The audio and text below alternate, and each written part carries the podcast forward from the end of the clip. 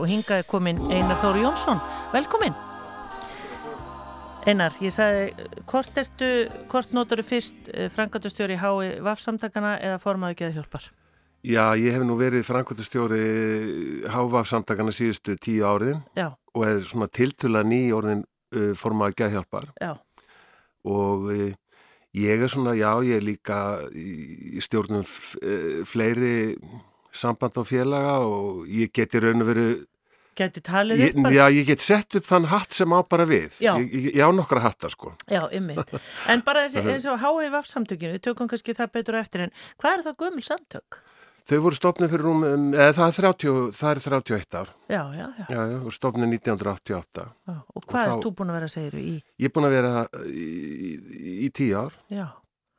Það er hérna... og ég er búin að vera auðvitað með í samtökunum, ég var einn að stoppfélagunum 1988 og hef alltaf verið uh, virkur í félaginu svona þegar ég var, uh, ég bjóð reyndar erlendis í ykkur ára en, en uh, ég hef alltaf, þetta er svona daldið félag sem er mér hjartfólkið og mjög tengt. Já, við ætlum að tala um þá eftir Einar Þór Jónsson. Þú ert að Westan. Ég er á Westan, já. Já. From the Bolungarvík. West, from the West, frá Bólungarvík, já. Já, já, ertu hérna og er það öll bara æsku árin? Eða? Já, ég fættist í Bólungarvík og, og ólstar upp. Já, og, og sleit þar barskónum eins og sagt er og þar á í, undir þessum stóru fjöllum sem þar er en með víðúttun út í haf já, maður einmitt. sá alveg út í óendalega sjóndeldarhengin Já, Já. hvað hérna og hverjir eru fóreldræðinir? Uh, Fóreldar minni héttu Áskerður Högstóttir og Jón Freykir Einarsson. Pappi var rótgróin uh, vestfyrringur langt aftur í ættir.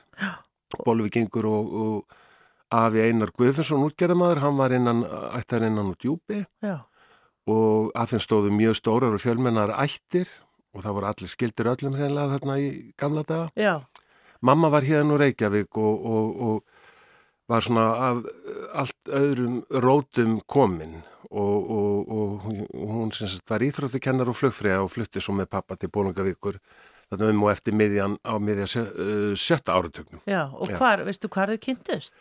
Þau kynntist í Bólungavík að því að mamma kom til Bólungavíku til, á sömri til til að vera með sundnámskeið. Já, já, kenna bólvíkingum sund og hún tala oft um það, hún var alveg hissa hvað voru margir bólvíkingar ósindir já, og það hún var að kenna bæði krökkunum, unga fólkinu og, og sjómennunum að synda. já, já, æðislega sundlegin í Búlangavík.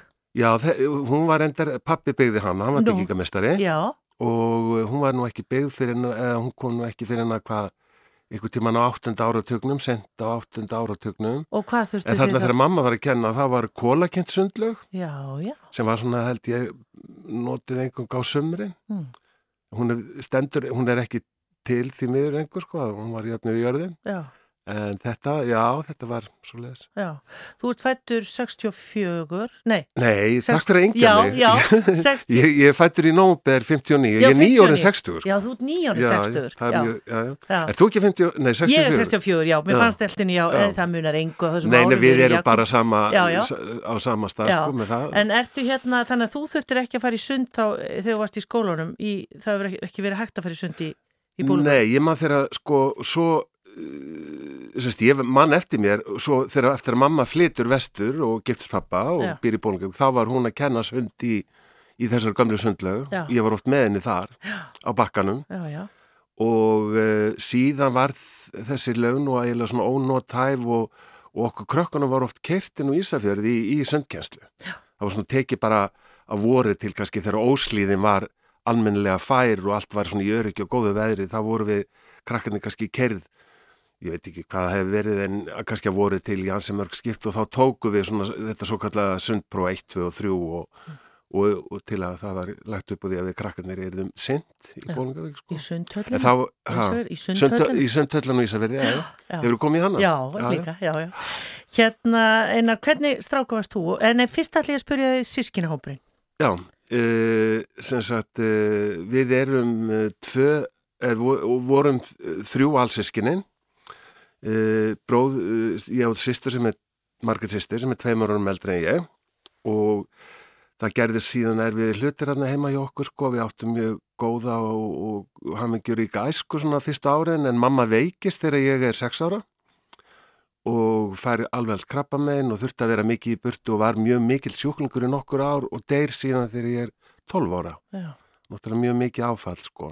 Og hún Og við erum, 14? hún er ófrisk þegar hún, eða ólétt þegar hún, hérna, hvað segir maður, ólétt? Já, Þegar að hún veikist, egnast þá bróðum minn Ásker sem síðan lést á mjög sorglegan hátt fyrir, eh, hvað, 12, 11 árum. já, og, uh, og síðan giftist pappi aftur setna og, og þar á ég já, Kristján. já. Áskir bróðir sem, sem var sjö, tæp með sjö árum yngri en ég. Já, Hann, já, og hann fjall fyrir ein hendi. hann fjallir eiginendi, já, hann tók sitt eigi líf. Já, og þá ert þú hvað gammal?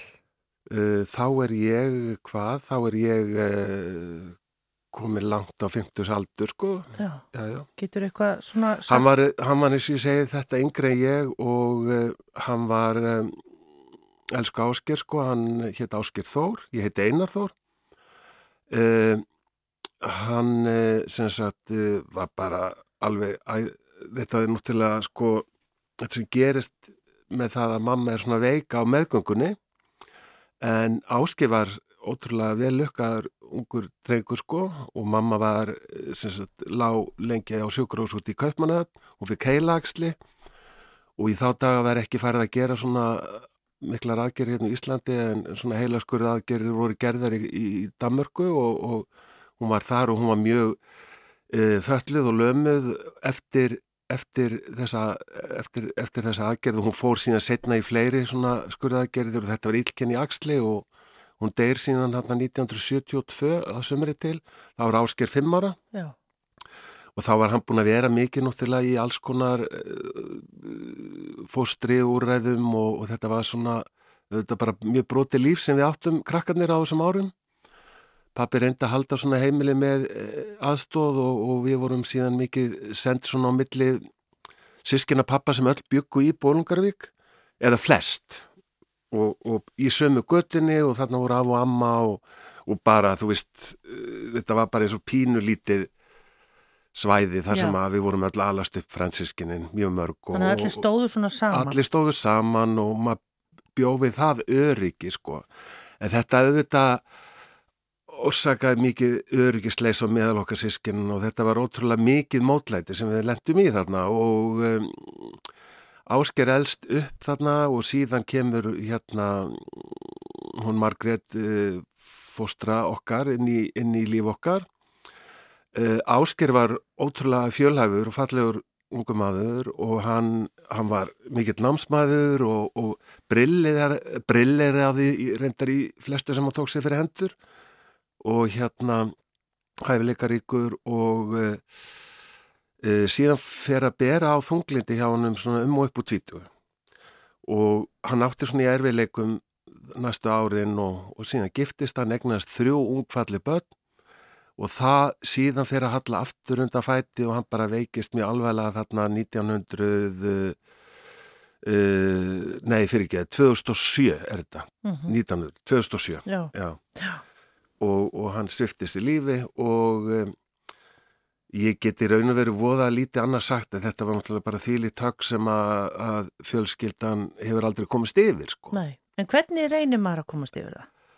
Já, ég, ég já, svo ég segi svona bara fyrir sjálfa mig sko að, að í framhaldin af þessum atbyrðum ma maður fór svona að skoða svona umhverfið og ég svona komst að því í báðum mínum ættum var ta- talsvert um þunglind og í þá daga bara sagt, þegar við erum að alast upp og við erum út fólk að það var eiginlega ekki talað um geðhelbrið og geðhelsu og fólk var ekkert mikið að segja kannski frá sinni líðan eins og, eins og uh, þunglindi og kvíða og, og streyti, fólk kunni ekki einu svona almennilega skilgreina þetta Mhm.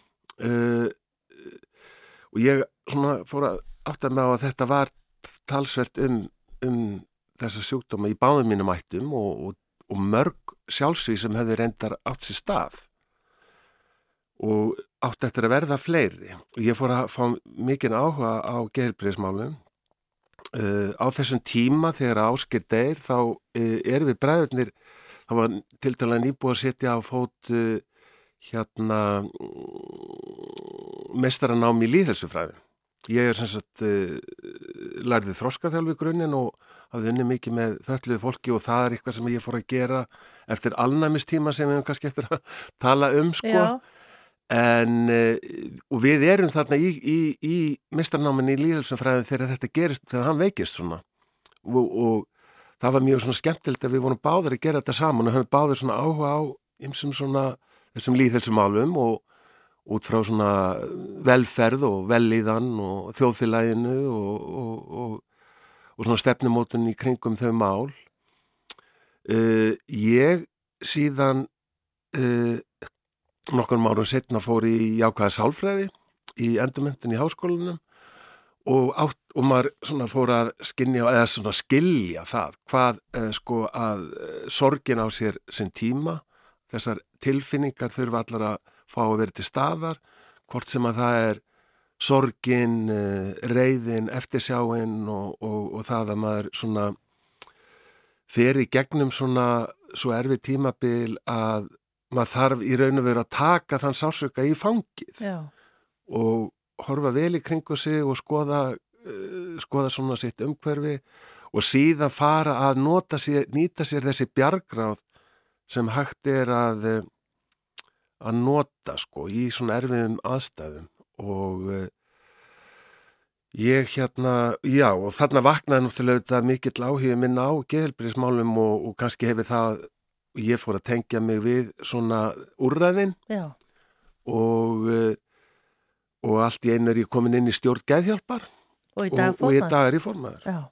En, en bara til með sér svo núna þegar við erum að tala um, um hann og þessa reynslu ykkar og allt þetta, finnst þér það að vera mikilvægt að opna svona umræðina einhvern veginn? Já, já, ég, uh, ég er bara venjulegu maður þó ég sé búin að spá og pæla og menta mig og hef mikla reynslu af öllu mögulegu í kringum líðhelsumál og svona kennslu og fræðslu og ráðgjöf og, og þessi svona bjargráðir sem ég kýsa að kalla það, svona þessi verkværi og þessa leiðir og samtöl og stuðning sem að fólk getur náð sér í og þarf að gera. Það kemst enginn gegn, í gegnum svona þung áföll einn Nei, og um, já, þannig að maður bara svona einhvern veginn eh, þannig var það að, að hérna ég er ekkit feimin með að við að tala um þessi mál og segja frá en, en ég finn alltaf fyrir sársöka já, þegar ég nefni þetta Já. og, og um, já, já, það, þannig er það bara og, og hérna, en maður verður að geta sagt hlutin upp átt og verið sínilegur með, með það og, og ég fagnaði svo mikið hvernig það er orðin út í dags að, að það er svona heimin og haf með þessi mál að fólk í dag segir mun freka frá sinni líðan og sinni vannlíðan og, og, og ef það er streyta og, og kvíði til, fyrir hendi og sumir segja já, já, þjóðin er að verða aumingjum og krakkarnir get ekki farið í skóla fyrir kvíða og það er allt í volli hérna en ég er mjög sáttur við þetta, þessa þróun og við þurfum að vera mjög meðvitið um okkar heil, geðhelsu og, og, og, og hérna geðheilbreyði og sennilega nú, og við erum öll með geð já, ymmit, og sennilega er það nú að því bara við erum fann að tala um það, þá finnst okkur þetta að vera orðið svo algengt. Já, og geta bara sp- spjallað um þetta yfir kaffibóllunum og það, það léttir á og hjálpa til og, og, og ef að kaffibóllun er ekki góður þá tekur maður bara gott te sko. Já, ummitt. Einar, er þetta þá þannig í Bólungavík að þarna þegar að mamma ykkar veikist að þá svona kannski svona breytist svona, hvað ég og, og uppeldi sem að þið kannski þekktuð áður en þetta gerist? Já, það var auðvitað við áttum myndislega sko við ég og Margrét sýstir Áski bróður kannski kynntist því ekki Nei, en mamma var alveg æðisleg og, og hérna við söknum hennar mikið og tölum ennþá um bannasískinni og getum alveg tárfælt yfir því og svona. Og þetta, já, þetta orsakaði trúi og við höfum þetta er bara eitthvað sem að er í já, því miður, þessi reynsla og, og hérna. Já, og um, þetta er svona eitt af stóru hlutana sem getur gæst í lífi fólks, það er að missa fóreldri sitt þegar maður er ungur já, ummitt. En hvernig hérna, hvernig er þá skólagöngu háttað hjá þér? Er, er einn grunnskóli í Bólungavík upp í, er það upp í gagfræðaprófið eða hvernig? Já, það var, það er þess að grunnskólu var og er og, og í, í Bólungarvík Já, og uh, þar var ég og þar gæti ég fór á pappi, ég held að ég var nú svona ég held ég að við verið aldrei fyrirferða mikil sko. Uppáttækja samur og kannski tengdist það ykkur öllum þessum hlutu sem hefði gerst ofur ekki en ég var ekkert eh, í neinu vandræðum sko. Nei. en ég var sendur síðan á heimaðastaskóla eða hér á skólan á lögavatni já, já. og þar tók ég landspróf. Svolítið langt að fara. það er langt að fara. Við, en við vorum reynda nokkur þarna mínum aldri sem fórum, vorum þarna lögavatni sko. En það var nú algengast að krakkar sem að fóru kláruð ekki alveg þarna þau kannski fóru á nú Já, datt Þarna í það nú frekar í hug. já. já. Og En allir þekkja nú sögutar frá, Frá Núpi. Já, eða frá Jóni Knarr til dæmis. Já, já, en það eru líka marga sögur til í hér skólan á lögavatni, það Já. var aldrei, En hvernig var það? Var það gaman? já, bæði og, Já, já, ég er svona aldrei þannig, kannski að því ég var svona, ég var aðeins öðruvísi alla tíð og, og, og hérna, já, ég, ég segi bara marga góða minningar og, og allt það og líka, já, já, en þetta er auðvitað þannig að maður allt í hennu bara þarf að standa svolítið á eigin fótum. já, já, þá var maður farin endala úr, úr, úr heimann frá Bólungavík. Í lítið herbyggi bara. Já, já, Já, á, og, og ég, það er nú, hérna, kom, það er hérna, þetta restaurant núna þarna, ég fór að borða þarna í sumar, Já, þar sem já. ég hafi verið á heimavist. já, já, leitið þetta ekki allt vel. Ég held þetta, man ekki hvað það heitir þarna við vatnið. Já, já, einmitt. Já. það hétt grönd þá sko. já. En hvað ertu þá í sem sagt, uh, hvað ertu þá lengi þar?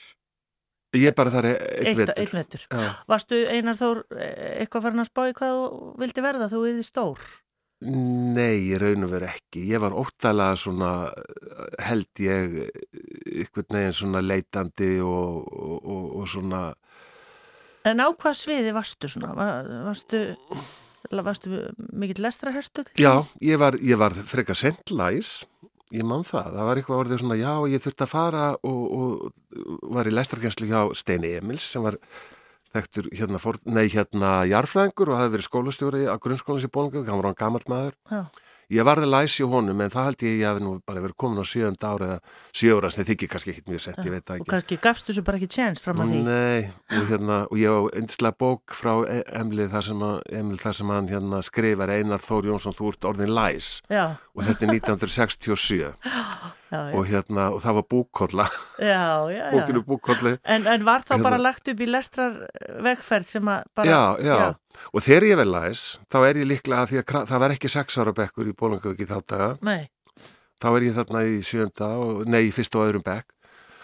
Og þá varði ég algjör lestrarhestur, ég bara lá í bókum já, og ég las allt sem að til var heima og ég var í húsum í Bólungavík til að fá bækur og, og fór á bókasamnið og, og las og las og las. Og ég las allatíð mjög mikið því miður er það daldið að detta niður Já. með árunum eins og ég mörg eins og eitthvað sagði H.E. Helv, Netflix og allt þetta, það er svo mikil Já, samkjöfni já, já, já, og iPadin bara Já. er alltaf þannig, nei, nú maður bara næri ekki að lesa því, ég lesa nú svona einu einu bók, sko. Já, já, já. En, en hvað hérna, hvað gerður þá eftir, eftir landsprófið?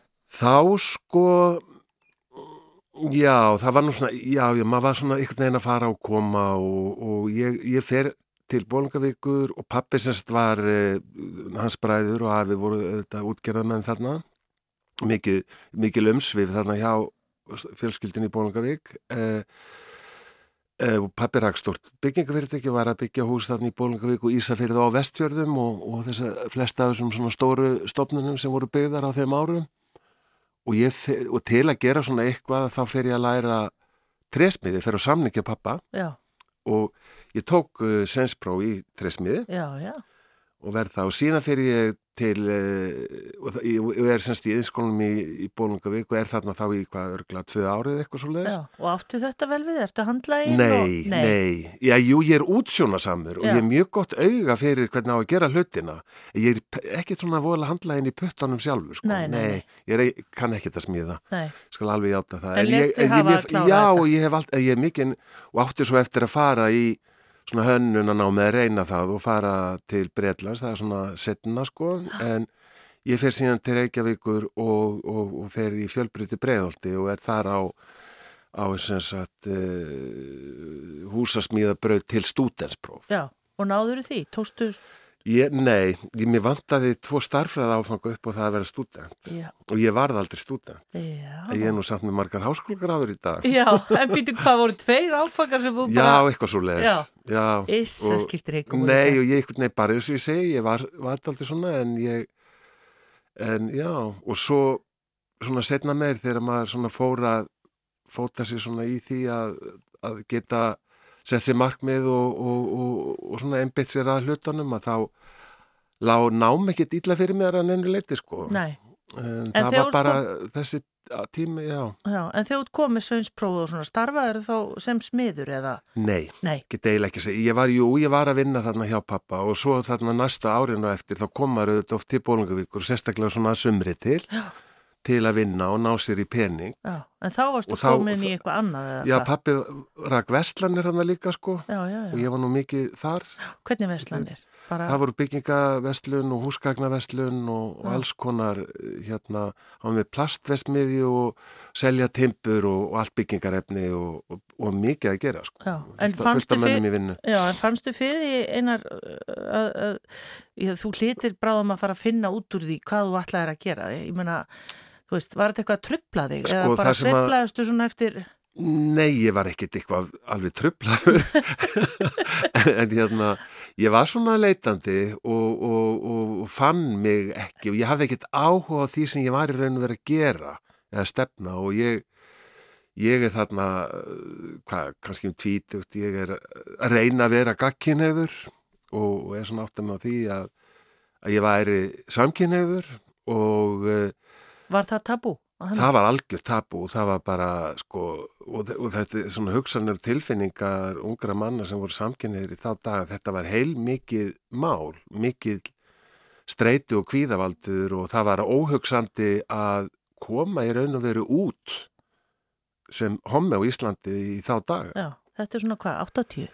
Já, svona upp á 80 Já. þegar maður fer svona að hugsa þessa hluti sko. Og, og, og þetta alveg kannski frá gelgjuskeðinu það var, það var ekkit internet, það voru engar upplýsingar, það var það, ég fór auðvitað, ég fór stundu til útlanda á, á þessum árum í frí og svoleiðis og þá svona lætti maður sér inn í ykkur bókabúðir og ykkur stær innst inn í ykkur hotni, ykkur stórborgum þá var þetta að finna ykkur svona blöð um það sem að, voru svona gay news eða eða menn advokasi eða eitthvað slíkt sko. Og þá fór maður að kaupa þau og lesa og skoða sko. En í umræðan á Íslandi var náttúrulega algjört tabu eins og þú auðvitað sem ertu á mínum aldrei manns. Ég hef ekki getað sest hér í sjónvarpið nei hérna í útvarpið á þeim árum og fara að tala um að ég var í hommi. Það Nei. er bara ekkert verið leift En hvernig Og- kom stundin? uh, já eins og ég segi þetta var svona bara þ- þroska ferli í raun og veru og svo þetta þurfti maður bara já heyrði þetta gengur í raun og veru ekki maður þarf að koma sér eitthvað og, ég, og þá ég er tresmiðurinn og hérna ég fer í, í, í hérna hönnunanám eða skrá mér hönnunanám til Englands og ég er svona diplomanám í, í, innanúsarkitektur og mitt markmið með sjálfum mér var það að hérna að mér langaði að verða arkitekt og ég hef alltaf haft áhuga á hönnun og, og listum og, og, og, og, og svona skipulagning og arkitektur.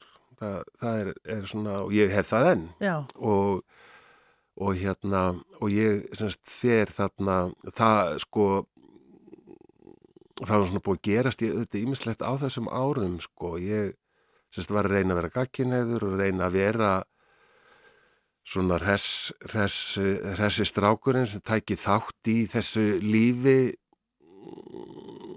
eh, lífi minna jafnaldra. Og ég átti auðvitað marga vini og í Bónungavík og í Reykjavík og, og, og maður reyndi svona að fylgjast með en maður var alltaf, maður fann alltaf, heyrði, ég bara er ekkert á réttist að ég er ekkert að fylgja eh, þessu mainstream og, og það er hægt að tala um þetta í löngu máli sko, en, en svo síðan var eins þetta og svo orðið svona sem bara flótti til útlanda. já, og svo var þetta allt í einu bara orðið svona eitthvað óbærilegt. Já, og, og, og það er, er einhvern veginn svona féluleikur eða get ekki talað út um hlutin eða verið maður sjálfur, það er eitthvað sem að á svo óendalega uh, illa við minn karakter já, já. og, og ég hérna fann að þetta var alveg að svona bara að tæra mann upp sko, maður gati einhvern veginn ekki rætt þetta við nokkurn mann, ég þekkti engan. Nei, ég þekkti engan og, og það umræðin um samkynneið á í þá dag var bara öfiki og kynvillingar og þetta er alveg ógislegt og það var skelvilegi fordómar og, og hérna en allavega ég er komin þarna til Englands þá er ég búin eigna stóttur og uh, margt búið að gerast og ég er orðin hvað 23 ára og ég er þarna út í Englandi og ég sagt fer að skoða svona býtu hvað er þessi staðir sem að uh, samkynniði kallar að hittast og, og hérna og fer að með mikið hjartslátt að, að koma mér þanga sko og, og skoða það og reyna að fara inn á þessa staði. Og í þá daga var uh, samkynniðið eða gay, gay men sko hérna homar voru ekkit sí, sínilegir Nei. það voru lokaði staðir. Það var ekki regnbúafáni til og, og það var engin svona eðlileg umræða.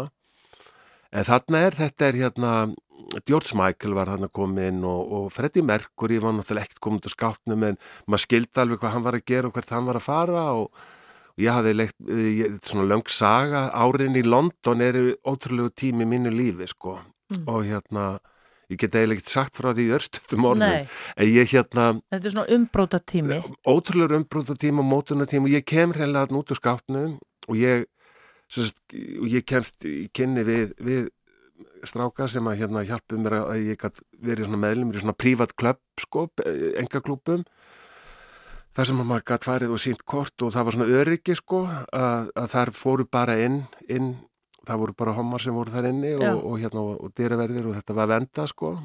Og hérna uh, en það voru reynda til gamlir svona pöppar þar sem að voru þekktir fyrir að þær kæmur svona hinsegin eða skrýtni kallar sko. Þá nú ekki tala um hinsegin í þá daga sko það var svona já.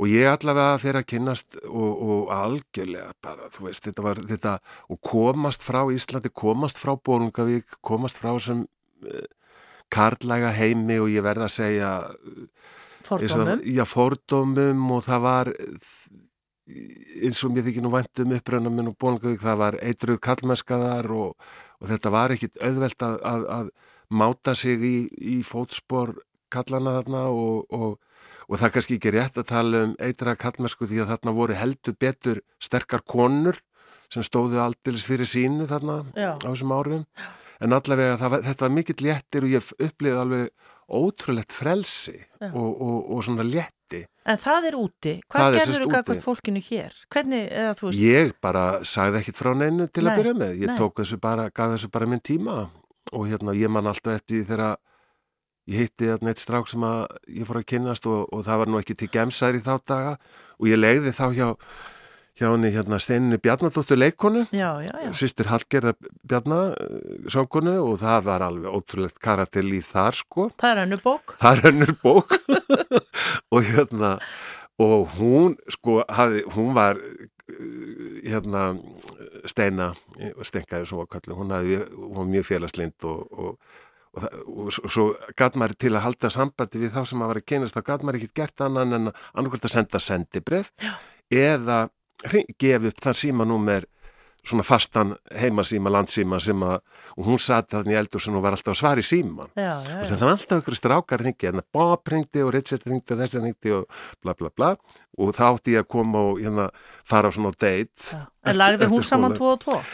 Nei, ekki fyrst. Nei. en hún hafði nú miklar sögur og sagnir af þessu setna mér hvernig þetta hefði allt verið sko. Já, já, hún hefur vitað og saði að sé- séði nú verið að fara að grunna eitt annað. Hún og listakona og hafði nú kynst ímsi í lífun og verið lengi í London.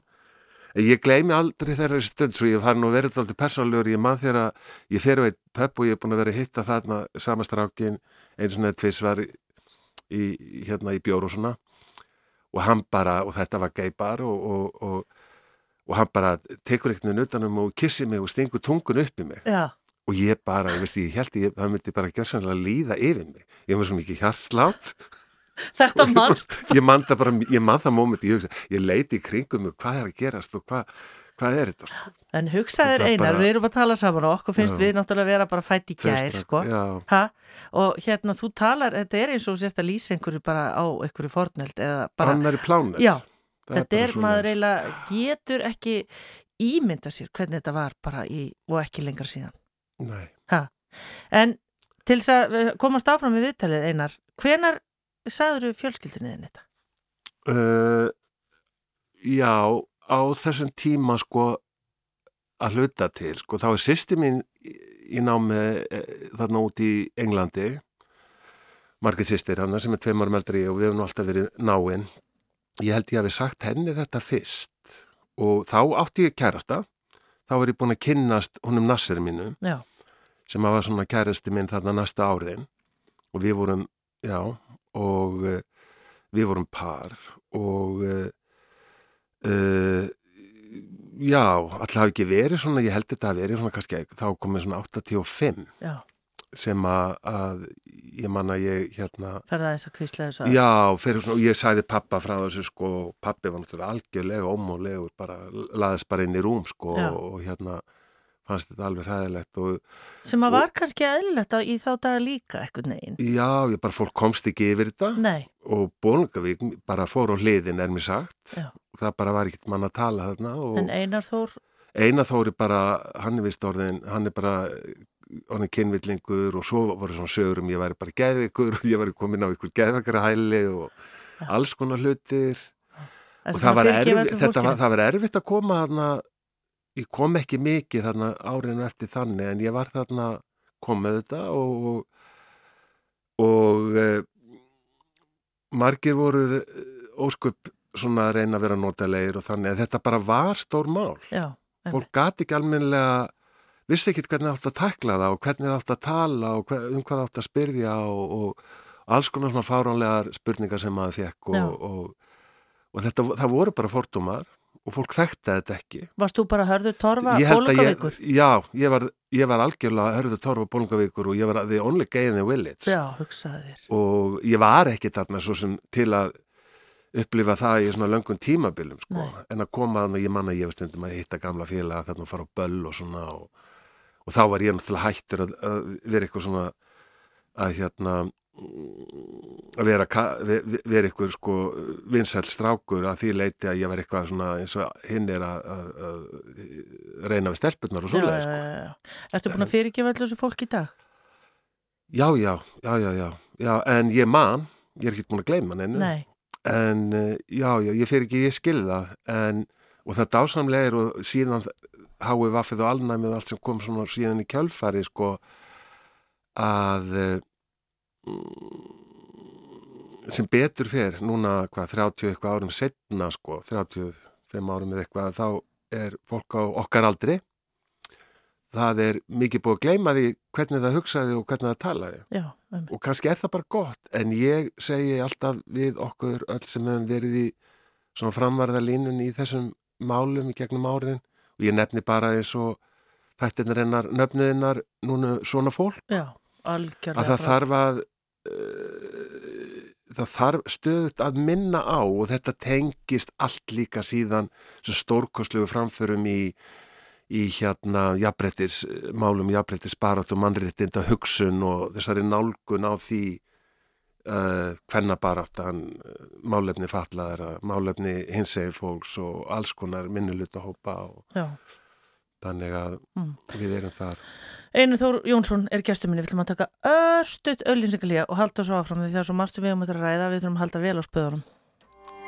Við almóttuð Það held ég nú, hann er gestur minn hér, hann Einar Þór Jónsson, þú, Einar, ég var ekki búin að slakka á mikrofónu þú sagði, guð minn góður, þér brá bara þá átt að það hvað varst búin að tala vikið. fór sem sagt gummið góður út, yfir, út, út í Já, ljósvakan það fór út í ég trúði ljósvakann. ekki að ég væri búin að tala í 25 mínútur ha, Nei, heyrðu, svo hlægi ég og vittlisingur hérna, en að því þú nefnir og þú ert hann að frangatastur í HVF samtakana, eigum að taka bara það tímabil, aðeins bara reyna að pakka því í, í hérna einhvern pakka, bara þína aðkomu að því. já, já og það er sem sagt bara að ég sagt ég, ég, ég, smittast að háa vaff út í Englandi og kærasti minn þarna sem ég nefndi á þann, hann deyr úr alnæmi setna mér uh, þetta var auðvitað gríðalegt áfall, ótrúlegt og það, var- þetta var ekkert annað en döðadómur og það hrundi bara tilveran og, og þessi strákar á mínum aldri, ég er akkur þessi kynnslóð af homum sem að lendu sem fekku, lendu vest í þessu sko og, og uh, menn fara að veikjast og menn fara að deyja. Mm. Og uh, það sem að ég get hort og við förum að uh, stopna með okkur hóp og reyfingu og svona upp úr því þá uh, eru alnæmis samtökinu sem hitta háfaf samtökin sem hitta áður alnæmis samtökin, þau eru stopnað 88 það sem að er í mínum huga í dag burt sér frá þessum ofbúslega erfileikum og, og bara það er ekki það lýsa því það sem að við strákarnir þurftum að gangi gegnum og við sem livðum af það er þessi ör á sálinni hvað við vorum útskóaðir, það var svo mikill ótti, það voru svo gríðarlegi fordómar og við vorum svo einir og ég þekkti marga sem dói einir þá þorðengin og fjölskylduna treystu sér ekki inn í þessi mál. Það var kannski að menn hefði ekki komið út með sína samkynneið og það finnst mér vera eitthvað sem að á eftir að skoða og, og hérna finna, fara, finna eða svona já þetta, og við þurfum að því við þurfum að draga lærdom að þessu. Já, ummitt. En, en sagt, er það samplísmaður þinn eða voruð þið giftir eða? Nei, nei, það var ekki, í þáttaga var ekki hægt að gifta sig. Það var ekki hægt að gifta sig. Nei, nei, það mátti ekki. En hann deyr, en, en já, hann þú veikir. Setna, já, já, en byrju, hvað hérna, hver, hver, þú náttúrulega veist það ekki sjálfur, hvers vegna þú einhvern veginn bjargast, en hvað, ert þú að fá liv bara um leið og þú veikist, eða hvernig er það? Það var þarna daldi um, umdilt forvarnalif, sko, sem hétt aðsetta tje, sem að við, ég tók það daldi samansamlega og ég held að það hafi hjálpað mér, en ég held heilsu bara næstu tíu árin, það var alveg ótrúlegt. Mm. Uh, en þegar ég komið að er fram á sagt, fram á miðjan tíund áratvígin, þá er ég farin að finna mjög mikið fyrir veikindum og ónæmisk, ég var semst komin með alnæmi mm. Og ég hefði dáið bara öruglega ekkert innan langs tíma en þá allt ínum komið þessi lif eins og ykkur bara þurfum, eða hvað segir maður, þetta var bara algjört uh, kraftavegg og þessi saga, að því við hefum ekki mikið tíma, að það var þessi saga Hái Vaff og Alnamis, hún er alveg gjörsanlega ótrúleg. Já. þarna semst, kemur þessi undarlegi fyrðulegi sjúkdómur smittsjúkdómur, kynnsjúkdómur sem að fer að herja aðalega á unga uh, samkynniða kalla og á svipum tíma fyrir að vera svona fyrir sunnan uh, Suður Afrika sunnan, í ríkjum sunnan Afriku og, uh, og þetta var þess að döðadómur og uh, við hérna, já og, og ég helli mér einhvern veginn inn í, eða það gerist einhvern veginn þannig með svona góðu fólki, það, það voru ekki allir sem sniðgengu þennan ræðilega vanda það var fólkinni í samfélaginu sem saði, heyrðu bara við verðum að gera eitthvað og, og það er semst með samtíkinu eru stofnið þarna Þú nefndi við með eðinni á þann, það er algjört bannor því okkur já, sem er með. Já, hvers vegna? Okkur, bara... okkur finnst það bara svo ljótt og, og, og stigmatíserandi og það, við heldur þessu stigma sem við áttum við etja sko já. og það var auðvitað sett rosalega mikil ábyrð á háfa fjákvæmt fólk, það voru smittsjúkdómalögum var breytt við slöpum þokkarlega hérna í Íslandi eins og til og með þessi svíþjóð þar sem ég átti eftir síðan að bú í mörg ár. Uh, að þá var það þannig að, að háfa fjákvæmt fólk ef að það hafi kynli með mannesku og hafði ekki, saði henni ekki frá það að væri með háfa, þó það væri ekkert sem gerðist í sjálfur sér eða, og þá voru notaðar verjur smokkar að þá gastu samt átt að hætta að, fara fjara ára fangilstóm og þetta bara, þú veist, þetta var alveg gössamlega brjálaður tími í, í, og þetta er Er hægt að gera hann tíma eitthvað upp? Ég veit það ekki, þú veist, þetta, sko, ég sé segi, við sem að lifiðum þennan tíma af, við erum með ör á sálinni Já. og margir eru helsulösir, andlega og líkamlega, eftir þetta. Uh, fólk er auðvitað ennþá því miður að smittast með háfaf, en það er heiminn að hafa millir þess sem var þá og í dag. Það eru komin, þessi liv komu, svo ég fari nú hrætti yfir háfaf söguna, þá fyrir ég, semst upp og nýti, þá fer ég að, að koma fram og gefa viðtölu og gefa háfaf eh, andlit og þetta að vera svona andlit alnæmis er svo sagt og ég var bara þarna er alnæmis kallin og ég fór að fara í skóla með fræðslu og stuðningi hérna mm, helbriðsráðnetis og embætti landlæknis og, og, og, og ég er í þessu þarna á þeim árum og kom oft fram í fjölmiðlum og ég verð nú að segja ég kannski lendi ekkert í einhvern ræðilegum útskoðunum eða, eða, eða hérna eða svona einangrun sko en uh, fólk var alveg döðrætt og ég, ég verði sem sagt bara mjög frægur. Já, fyrir að gera þetta. Já. og ég eh, kannski ekki volið skemmtilegt að vera frægur fyrir þetta en, en einhver var að gera það einhver var að gera þetta og einhvern veginn fór ég þarna í þetta og, og ég fer að fara á erlendar ástefnur og taka þátt í norrannu samstarfi og þá kynnist ég stíg manninu mínu sem var sá flottast og fallegasti sem ég hafði noktið mann hitt. Sænskur, og svo kallmannlegur og fallegur, já, já. elsku stíminn 19 árum eldra ég og við náum saman og það var í raun og veru kraftaverk í þessum aðstæðum. Já. og hann, hann, sagt, hann þá er hann sagt, eh, með í sagt, jákvæða hópnum eins og við köllum okkur alltaf jákvæða hópin og varum jákvæðir, háfaf jákvæðir. Og hann er þá búsettur í Stokkólmi og við hittumst þarna á okkur um fundum í ykkur skipti og, og það takast bara með okkur góðar ástir eins og sagt er. Og það er algjört uh, kraftaverk og svona lottovinningurinn í mínu lífi að við stýr skildum ná saman. Og hérna og mitt í öllu þessu rótari þegar ég er í þessu hérna heima þá tekið mér bara til og, og sel íbúðuna mína og flytt til Stokkóms, til Stíks Já, og, og þá... er þar næstu áriðin Já. og það er semst að þarna á, á svona í byrjun tíunda áratögar og, og fram eftir tíunda áratögnum þannig ég tengi mig síðan mikið við Svíþjóð á þeim árun. Já, en hver er þá munurinn af því sem er í gangi varandi HVF í Svíþóð og hér? Á þeim tíma? Já. Eru þeir komin eitthvað lengra? Eitthvað... Já, náttúrulega miklu meiri fjöldu af fólki og fleiri úrræði Já. fyrir HVF fjákvæða. Hér heima, þetta var ekki svo stór hópur. Og var þró, það þróaðist í... ekki svona almennilega ráðgjöf eða stuðningur en einu tægi og, en síðan háfaf samtökjum alnað með samtökjum þau stó, stóður sér síðan ágætt líð því að, og hafa gert að vera með fræðslúti samfélagi stiðja á þeim tíma við aðstættendur því aðstættendur voru skelmingu losnir vissi ekkit hvernig það átt að snúa sér í þessum málum. Nei. En einar, það er kannski líka munun fyrir þig að allt í nertu Einar Þóri Jónsson í Svíþjóð sem kannski enginn þekkti frá því að vera bara nánast Já, heimsfræður á Íslandi. Ég held ég hafi verið heppin, sko ekki bara heppin hittan stígminn, held ég var heppin einhvern veginn að geta stíð út úr því hér. Já. Og uh, eins og ég segi, sko, fólk hérna, það vissi ekkert eiginlega, sko, og, og, og, og læknar og fagfólk það sagði við hafa fjákvað þeirra aðstændendur heyrðu ekki segja nokkru meinista manni frá þessu.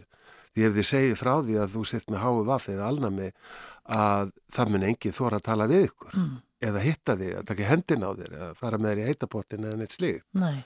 þannig að þetta var, var þarna fyrstu árun og fyrsta áratíðin þá er þetta bara algjört sko bara einangrun, bara einangrun líka, Já, ótti og, og, og Já. Við getum ekki sett okkur í þessu sko. Ég get ekki sagt þér þetta bara í örfum morðin sko, því miður, Nei. en, en svo leiðis var þetta og, og hérna En hvað, hvað fórst að gera í Svíþjóð? Varstu... Sko, ég er náttúrulega ég er að vinna þarna þegar ég, á þessum árum þá er ég að vinna ólingaheimli ríkisins og e, eftir þenn, þetta englasæfintýri mitt og, og, og ég fer út úr öllu þessu sem ég hafi semst alltaf verið að hönnuður eða arkitekt og ég fer semst að vinna á ég fyrir að vinna á, á hérna úlingaheimli ríkisins, það bara var svona tilvílin alveg hvernig það allt gerðist.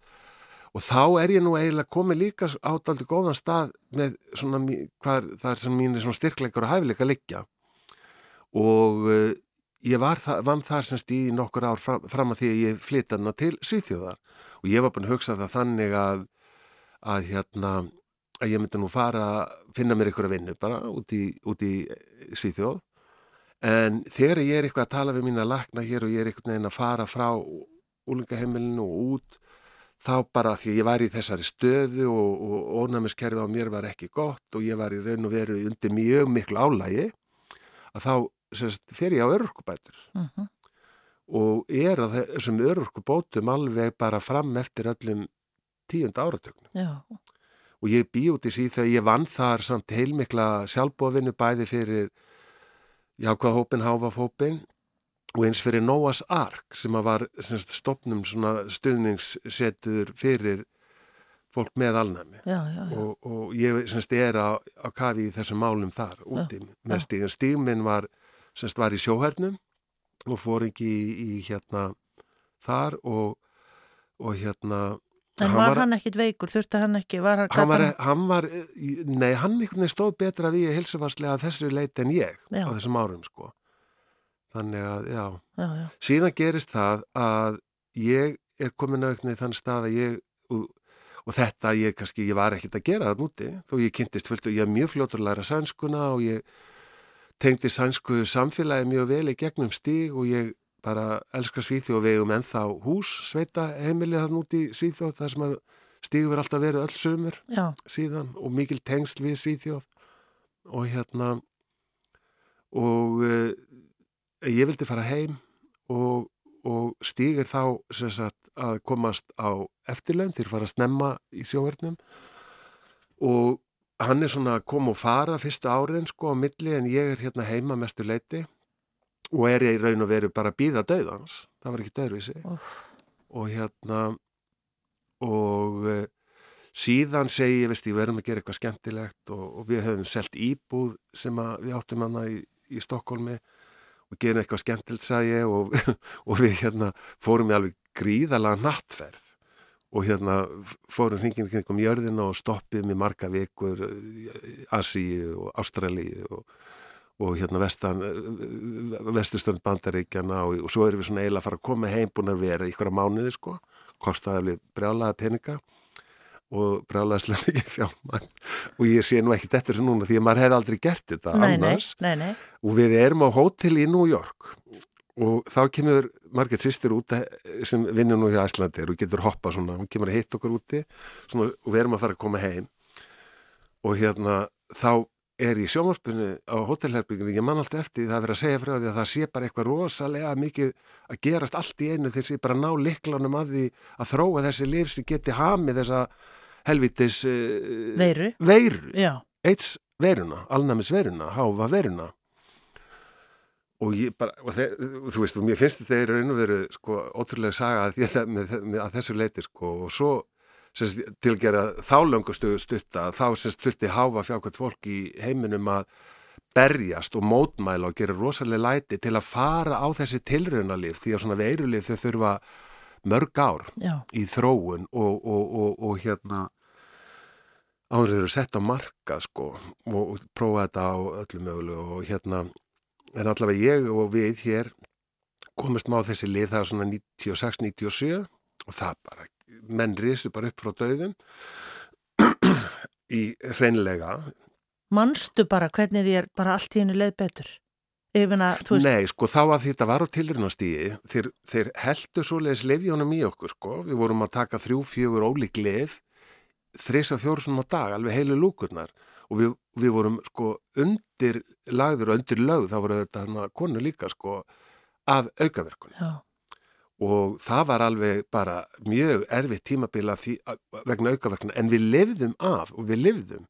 Og margir fóru þetta mjög illútur sem aukaverkunum. Ég eftir að ég var, er bara mjög heppin Mm.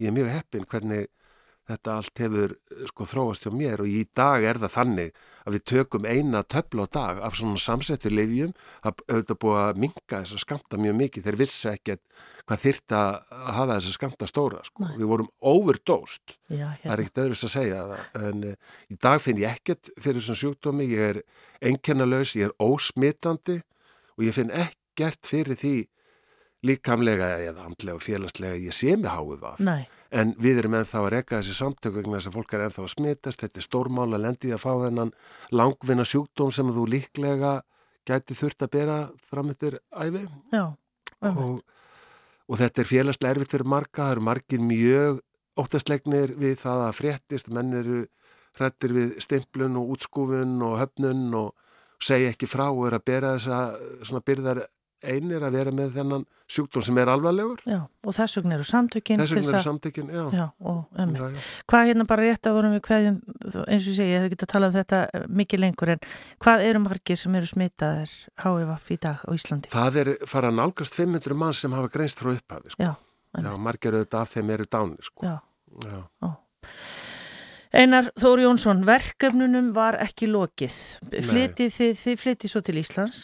Já, við flytjum til Íslands og erum hér svona, setjum á friðastól, ég fer að drífa mig í, í nám og er meir og minna bara í nám og fullri vinnu. Já. Ég bretti heldur betur upp ermarnar. Þú dórinn þroskaþjálfi, er það ekki? Jú, þróskaþjálfi og líðhilsufræðingur og, og síðan, síðan er ég búin að taka diplomaprófi í ákvæði sálfræði og er að gefa námskeið í, í því og, og, og ráðgjöf í kringu jákvæð sálfræði, það gefur mér mjög mikið Já. á samt öðrum vinnum sem ég er í sko og verkefnum. Og ég hef bara verið svo heppin að taka þátt í svo mörgum spennandi verkefnum gegnum tíðina sem hafa svona, haft með mannréttindamál og líðan og, og velferð að gera sem er algjörlega mína, mitt áhagamál í dag. Og kynst mjög góðu fólki í kringu þetta allt saman. En eh, og það eru svona koma þessi ár og ég fæ þetta annað tækifæri en síðan fyrir stíga með þessa helsuna Hvað gerist? Hann fær hjartastopp og, eh, og fyrir mjög, lengi á hjartadeildinu fyrir mjög flokna hjáveitaðgerð. Og ég vil meina, það er um tíu ár síðan það er og ég vil meina þetta er tíu ár og, og eh, upp frá því fyrir eitthvað að gerast sko, það er þau svona persónuleika breytikar hjá hannum og lengi í, í, í erfiðri mikill aðgerðin en lefði þetta af. Og hann sem sett síðan greinist sem að ég tengi ekkert við þetta og ég vil hái vaffuð öll sem lifi eða bara í, hvort það er gen, genin eða umhverfið hérna, erðir eða umhverfið að hann allavega semst er greindir á hans ungur þarna með Alzheimer. Já, hvað er hann gammal þá? Þá er hann sem sagt eh, bara tæplaðið um 70 sko, rúmlega 70 Og hvernig fer þetta bara bera á þessu? Hann er þetta mikið eldri en ég, þannig ég elska mann sem er þetta mikið ég og, og við erum búin að eiga okkur góða lífi í bráðum hátt í 30 ár. Já. Og ég segi ekki eftir neinu, ég vil endilega koma því fram hérna, hérna en hann er mjög mikil sjúklingu núna og, og þetta er bara búið að vera ótrúlegt ferli, innlagnir, sjá hann missa þetta hérna virkni og getu til að lifa eh, sín daglega lífi og, og vera sjálfstæður og, og hann er búin að vera í kvildareinlögnum og dagþjálfun og, og ég er búin að þurfa að berjast mjög mikið, mér finnst eh, ef ég hef tíma til að fara inn í þetta að heilabila fólk og heilabilin er alltaf tegnd við öldrun, það er ekki alveg rétt að gera það, það er alltaf að vera algengur algjör yngra fólk er að fá heilabilun og Uh, stöðningur við aðstæðendur er í raun og verið engin.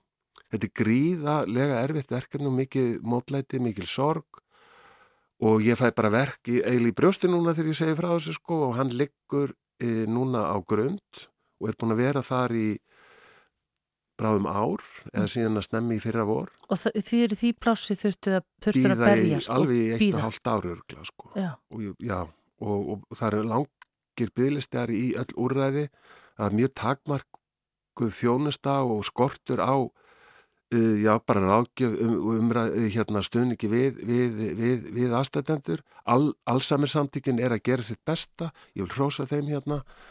En um, og svoleiðis er, er bara stafan hjá okkur í dag. Já. og það verið sko undarfæri hjá okkur minni fjölskyldi þannig ég þurfti að öllu aflega að nota mér mín bjargrað þar sem ég kann fyrir sjálfa mig og mínu umhverfi sko.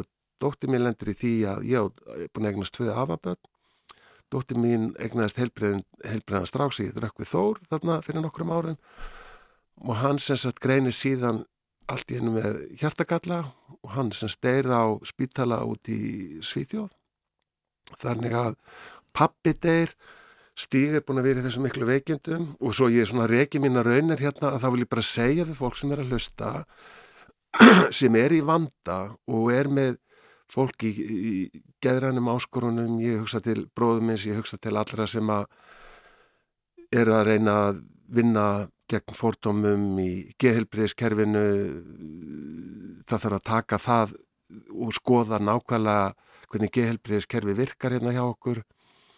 Við þurfum að steyðja við fólk sem er í áföllum og vanda. Við er, fólk getur þetta ekki eitt það eru til bjargra, það er ímyndilegt að þetta gera, sorgin fyrir aldrei og fyrir aldrei frá okkur og þessi erfiða reynsla sem við getum lendi á lífsleginni, við fáum mjög mismikið af þessu. Uh -huh. stundum finnst manni það óréttlátt en svo leiðis er það bara. Og hvort að maður styrkist við hverja raun eða hvaða gerist að fólk verður að taka erfileikunum og sásökunum í fangið, skoða leiðir og úrræði. Og þannig er það sko mm. og, og, og ég var einmitt hann hérna hann hérna uh, sjúkurhásleiknir vinnu minn já. hann var í Guðmennáldur, dottið úr minn afnánum hérna hann var hjá Vísi hann var í viðtælunum hann, hann hérna, já fyrirgeði mér. Já. En hérna, það, það er þetta sko að, að, að þetta fer ekki en jólinn og háttíðarnar eru erfiðar til dæmis. En það er, við mögum aldrei gleyma húmórnum, við mögum aldrei gleyma þakklætinu því við mögum öll eitthvað að þakka fyrir.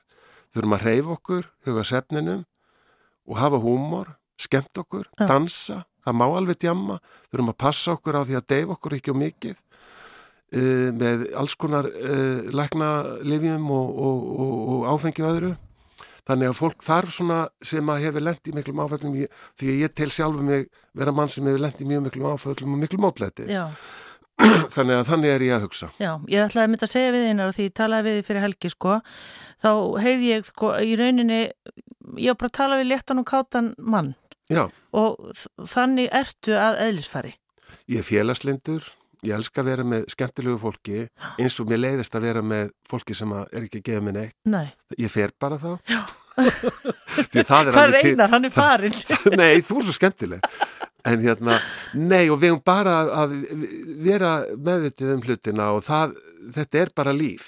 Já. Þetta er lífið okkar Einar, það er auðvitað fullt af fólki sem hlusta, væri að hlusta og hugsa, akkur er hún ekki bara með hann í setni hlutan líka, en það má upplýsa það hér með að það er að verið að skrifa bók, eða þú ert í samvinnu við hana Gunnildi að skrifa bók, Örnu, já, Gunnildi hún er að- Örnu, Við erum að sem kemur bók. út bara einhver tíman þegar þið Já, eru tilbúin. við, við vitum ekki alveg hvort að við komum í næsta jólubókaflóð eða árið þar eftir, Já. vonandi núna í haust Gunnildur Arnir svo dugleg og ótrúlega flott í Já. þessu En þetta verður allavega löng bók held ég. Já, Gunnildur held ég sé alveg í vandræðum sko. Já, rétt í lokin einar af því að þú ert hérna hjá mér í dag, sunnudaginn 12. janúar. Hvað ætlar að gera meir í dag á þessum sunnudegi? Ég það er alltaf svona rók, ég ætla að fara til stíks svo eftir Já. út á grunn Já. og hérna sp- spjalla og vera í honum svo, svo í er rektina. hugsa ég Já, og svo er ég núna alveg bara á kvöldin einhvern veginn, ég, ég er að horfa Netflix The Crown og hérna, ég ætla að klára það í kvöld ég held ég eitthi tvo-þrjá þætti Já. ég er búin að vera í þessu bara síðan um hátíðan það. Takk fyrir komuna, takk fyrir hugrykkið og gangið er vel. Einar Þór Jónsson, Takk. takk fyrir. Hún er komin til mín nún Unnur Birna Kallstóttir sem að hún er með rannsóknarstöðu hjá stofnun Rannsóknarsettus Háskóla Íslands og starfstöðuninnar er á eigilstöðum. Hún er líka að hún sendi frá sér bók sem kom út núna í desember og heitir Örafa hjörðin, saga reyndýra á Íslandi. Og hún er komin í sundasögur, velkomin. Takk. Ekki fínt að láta kalla sér rithöfund þegar maður skila svona döðrandi frá sér? Jú, það hljóma príðilega, kannski ekki drangnefni. Nei, Þó manni hætti kannski til meira þegar maður að skrifa fræðiteksta þá notar maður orðið ritthöfundur einhvern veginn síður en þegar maður skrifa skáldsögu, Já. einhver hluta vegna. hvað er svona bók búin að vera lengi í smíðum? Með öll á öllu svona á fjórða ár, með öðrum verkefnum vel á fjórða ár. Tókst þú eitthvað þátt í jólabókaflóðinu? Aðeins, hún reyndir að sagan koma út núna í oktober, þannig að, jú, hún var í bókatíðundum og aðeins í þessari bókaumræðu sem við eigum fyrir jólinn, sem er svo sérstakt við íslenska bókaútgáfu. Ótrúlega Og sérstak. bæði skemmtilegt en líka mann með farið, þetta verður eins og þú þekkir þetta bókafjall og við erum mörg. En þetta er mér setja alltaf samt heitlandi tími. Og líka þó ég ekki bók sjálfa, þá finnst mér þetta alveg dásanlegt að fylgjast með Já. útgáfu bóka í loka árs. En þessi bók, Örafa hjörðin, hérna unnubyrna, er kannski þannig að hún lifir aðeins lengur kannski heldur um skáldsögundar sem við erum bara búin að gleyma í mars og erum farin að tala bara um hvað ætli koma út á næsta, næstu jól. Já, svona þessi fræðiransókn á um sögur reyndýra, já, hún á að geta átt alveg töluverðan líftíma sem líka svona af því að það vantaði að uppfæra og líka gera bara með þessum hætti rannsókn á sögur reyndýra hér á landi með þeim hætti sem ég gerði líka. Það hefði áður verið skrif, greinar og tvær bækur reyndar sem tóku saman sem var dýrmættar heimildi fyrir mig. En ég bætti það miklu við og gætt farið það mikið dýbra í svo marga hluti að þeir sem að svo þá myndu vilja halda áram að skrifa um þetta efni að þeir geta þá byggt á minni bók ásamt því nýju sem að þeir finna. Já, einmitt. Unnur, við ætlum að tala um eh, hérna reyndirinn og bókina þína og rannsóknina þínar í setni hlutunum. En snúm okkur aðeins að þér sjálfri. Hvaðan hérna kemur þú af landinu? Ég er alin upp í Eyjafyrði, nána tiltekið á, á svæði í Eyjafyrðinum sem heitir Þelamörk og er opið svæði með fram Hörgá Já, nýverði verið í fréttum að það er að breyta því í hótel held ég eða eitthvað slíkt. Já, eða íbúðir, íbúðir, skóli, já, já, já. gamla heimavistin og fara að breyta því íbúðir til þess að nýta þetta húsnaði. Já, en ertu alveg upp á í sveit og bóndabæi? Já, foreldra mínu voru bændur, bærin heiti Grjótgarður, þar sem að ég ólst upp fram að 20 og þá gerði ég eins og margir fleiri fór úr hér að því, fluttist til Reykjavíkur og, og svo leiðis. Já, en hvernig sveit var þetta? Var þið með stórt bú? Þetta var blandað bú eins og flestir voru með á þessum tíma. Þetta er fyrir 80, 1980 sem manni finnst í dag næstu orðið mjög langt síðan. Svona, þannig ég upplifði bæði gamla og nýja Ísland Já. með sumum hætti. Þetta var ekki allt orðið svona velvægt og tengt eins og hlutirnir er í dag. Þó Mm. þeir getið dottið út samt byrð síðasta rammarsleysi. Já, einmitt. En Voru, það, voru það var sveitasými og það var svona ímislegt sem við höfum ekki í dag og það voru ár sem fóreldra mín átti ekki bíl og bara eitt traktor og, og svona ímislegt sem að maður kynnti sem krakki sem er svo löngu úr sögunni í dag, jafnvel í öllum sveitum sko. já, og unnur, hérna, Birna, það skal upplýst hér, þú ert fætt 1964 Já, og við, okkur finnst við náttúrulega ekkert vera voða gamla. Nei, aldeilis ekki. Nei, en hvað hérna voru þá með hestakýr, kindur? Já, hrosskýr og kindur og það var bara þess að þetta heiti blandað bú. Svona eins og mjög marg bíli voru á þessum tíma. Það var flest bú voru það sem kallast blandað bú og þau voru ekki eins stór eins og svo var farið að stefna að síðar. Ég man nú ekki höfðatölu, hausatölu á búfíðin. Var náttúrulega aldrei alveg nóg en dugði til þess að, að framfleita foreldrum mínum og okkur þremur krökkum. Já, og þú sérst þá tvö sískinni? Já, við átti tvö sískinni og er, ég var í miðið, ég átti tvo bræður. Já, umburðalinda. Um, já, alveg, ég myndi nú segja það í útvarpir, alltaf bara. já, en hvernig þú náttúrulega kannski hefur ekki samanbyrðin unnur, hérna, unnubyrna, en, en hvernig er svona alast upp í sveit? Ég menn, þetta lítur að vera svolítið, sumir segja forréttindi, hvað segir þú? Því, það er svo erfitt að dæma um það þegar maður þekkt ekki annað, það þetta bara sína kosti og galla held ég. En svona eftir áhyggja bæði margt við það en þetta var líka, ég maður allavega lærið að vinna, Já, börn unnu mikið í sveitum. Þannig að það var einhvern og enginn í miskun með það, fólk þurfti bara að bjarga sér. Þannig mér minnir svona því ég komst til vits ára þá svona öfundi að ég krakka sem svá út á sunnudögum eitthvað. En svo var ég líka heimavistaskóla og þá voru við að vísu alltaf upp mjög snemma á matnana, vorum vakinn. Þá voru maður að einbytta sér, þá fjögum maður frí frá bústörfum og einbytta sér þá bara að því að læra og stunda íþróttir og, og svona umgangast jafnaldra og, Ó. og skó, verið í skólalífi og svona. og áður þú ferði í mentaskóla, er þá heimavistinn, er það þelamörk? Já, Já, ertu þá bara ung þegar þú leggur í það? ég sjö ára. Og þá ertu virkadaga að heiman? Já, það voru að vísu tímabil, mér minnir við höfum verið tvær vikur í skólanum og tvær vikur heima svona fyrstu fjögur árin minni mig. Og nú segi ég bara, hvað finnst hérna móðurinn um þetta í dag? Ég veit, ég mann myndi öruglega, ég, mér sjálfur hefði þótt þetta ekki einfalt að senda minn sjö ára í heimavist og hann kem eftir tvær vikur eða eitthvað. En, Nei, en það var, já, en þetta týðkaðist bara allstaðara sem voru heimavistaskólar og svo var þessu hætt og varð heimavöxtur.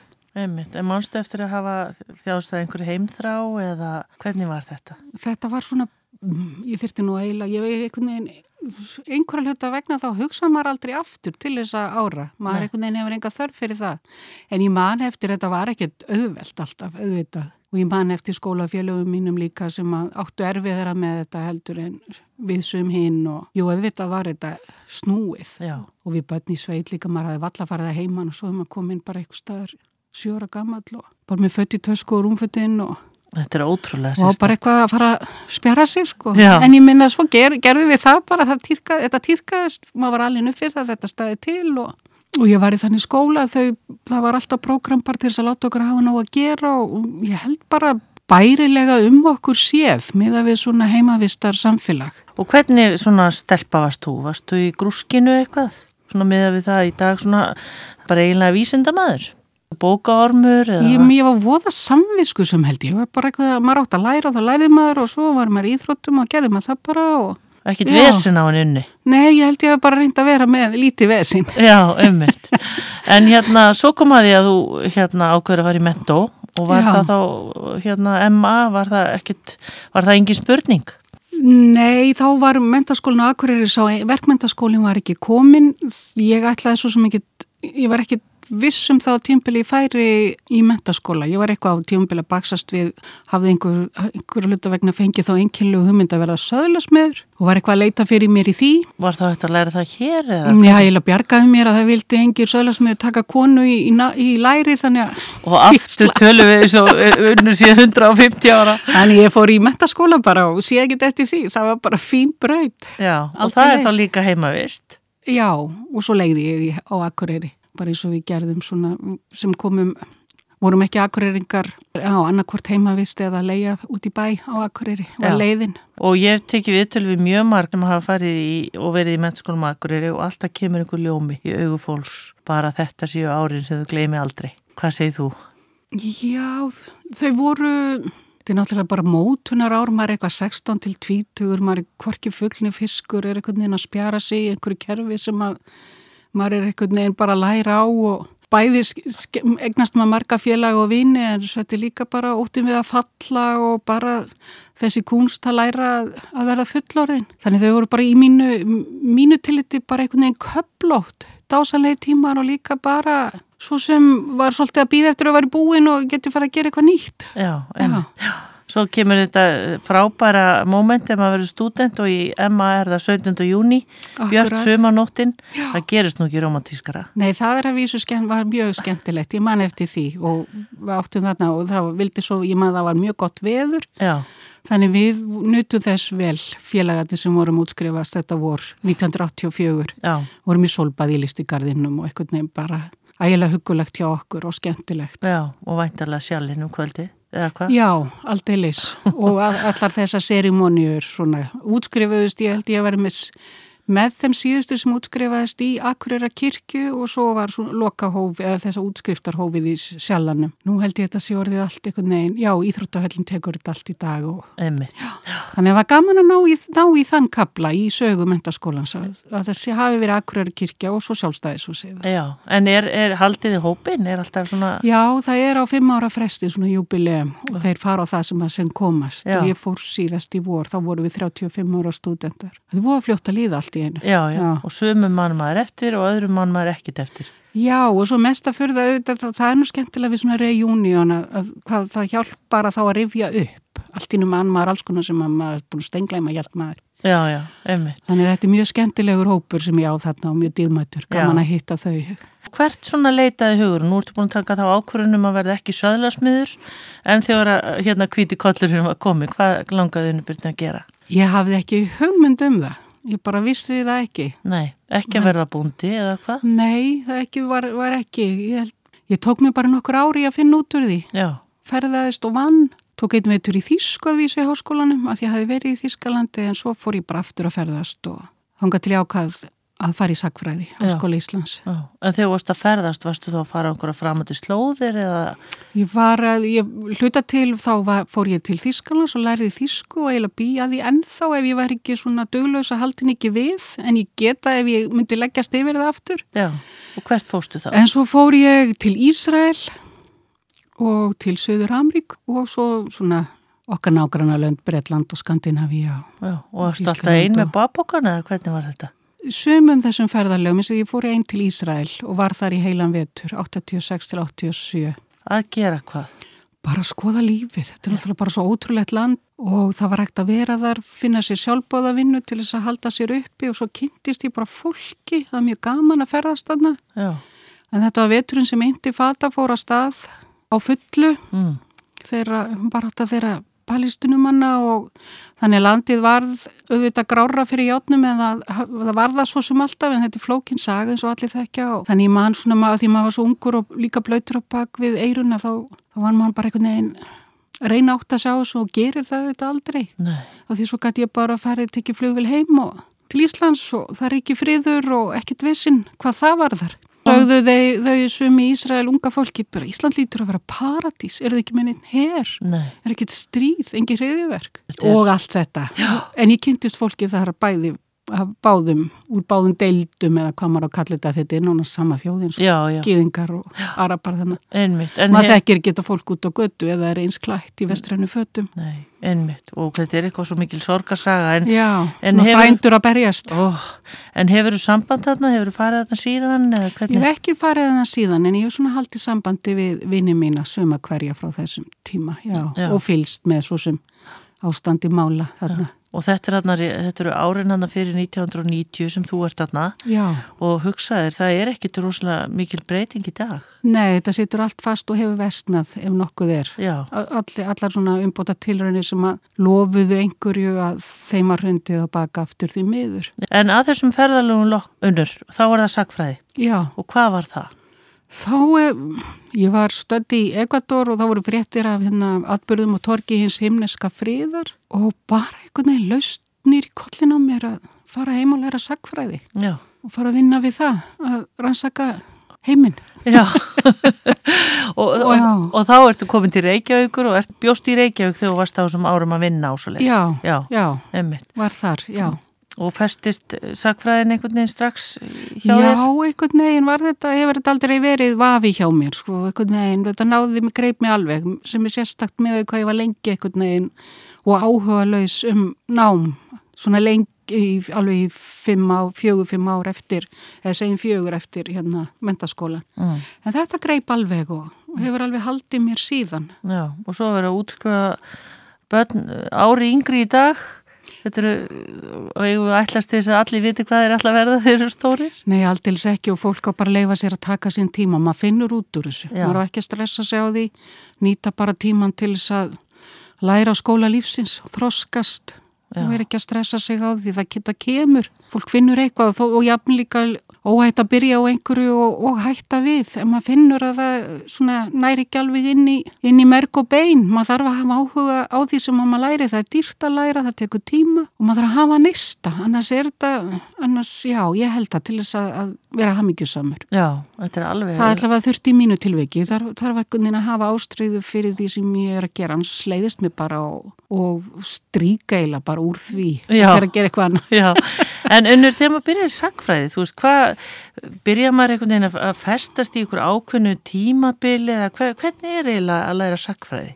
Mér minni nú að fyrsta önnin hafi voð mikið verið bara, já, að reyna að ala okkur upp í að byrja að hugsa eins og fræðimenn, að því maður er ekkert þar strax og læra aðferðafræði og gaggrína hugsun og, og vega og meta og til dæmis eins og í sakfræðin að, að kunna bæða finna heimildir en líka fara með þar og vinna úr þeim. Þannig það er alls konar ferill áðunum manni finnst maður að vera farin að geta að skrifa nokkuð stafa vit í byllinni sjálfur. Já, Þetta er kannski bara eins og hjá tónlistafólkinu fyrst að gera allar þessar fingræfingar og skala og píanóið áðunum að fyrir að spila einhverja sónatur. Þetta Já. er bara þólinn með þess verk. já. En hvert var svona þitt, svona mesta áhuga svona þegar þú fórst að komast betur inn í sagfræðina? Ég var strax svona svolítið hliðhóll félagssögu og hugmyndasögu og svona um samfélag fyrir tíðar eins og 18. og 19. öld og líka kvennasaga og kynjasaga í fjall fljótlega fyrir því. Og svo reyðist þetta nú svolítið bara frambóði í háskólanum hvað, hvað var á kursum en það, það var svona mín, mitt áhuga svið svona samfélag, Íslands samfélag sérstaklega í fyrir tíð. Svona hvernig varð Ísland í dag það sem að hvaða leið fóru við og, og, sé- og ég hef svona áhuga á líka svona sögu alþýðu fólks, karla og kvenna. Já.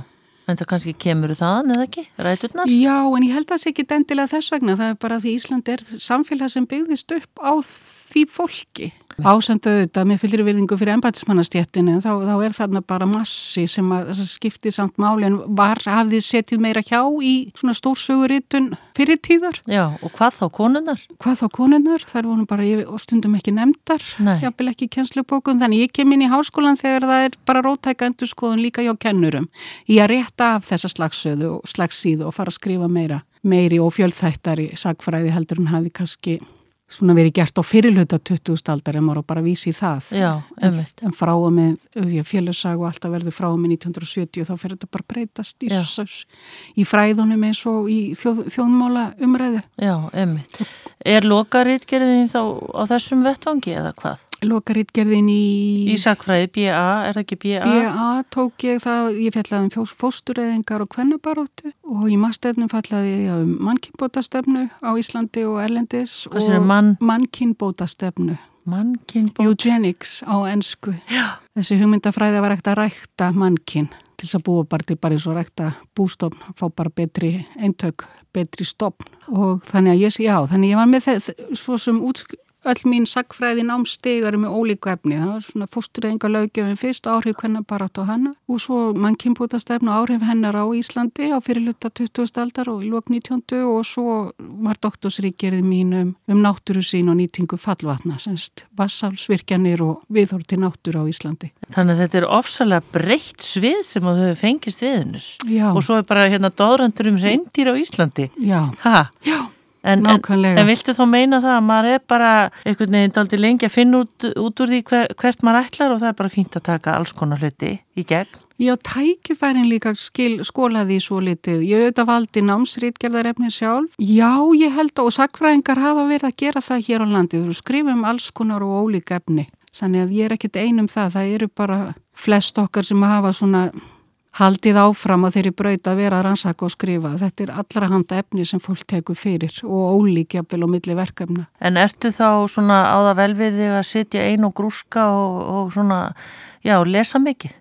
Já, já, auðvelt með það. Já, get alveg tingt mér í því. Það er einmitt. Ég kannski, já, þarf að passa mig að verði ekki bara skrítin og einræn. Koma út á milli, já, meðal manna inn á milli. Já, þú átt eitt svon. Og hann heitir? Andri Rapp. Og hann er kannski frægastu fyrir það að hann er, er fatahönnur, er það ekki? Jú. Og er að svona svolítið að slá í gegn á því svið og var meðal annars er það ekki hönnuður búninga hjá haturum?